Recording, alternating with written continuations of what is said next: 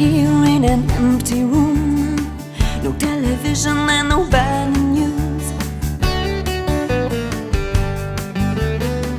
No bad news, good mood, huh? My soul is smiling at me. She feels happy and singing to me. You are.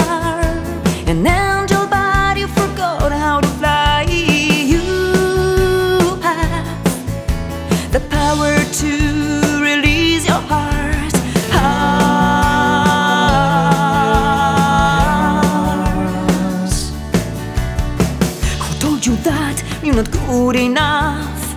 I tell you something, he's not your friend. Friend? I think he doesn't even like you, man. So take your soul by the hand. Come here quickly and sing with me this. You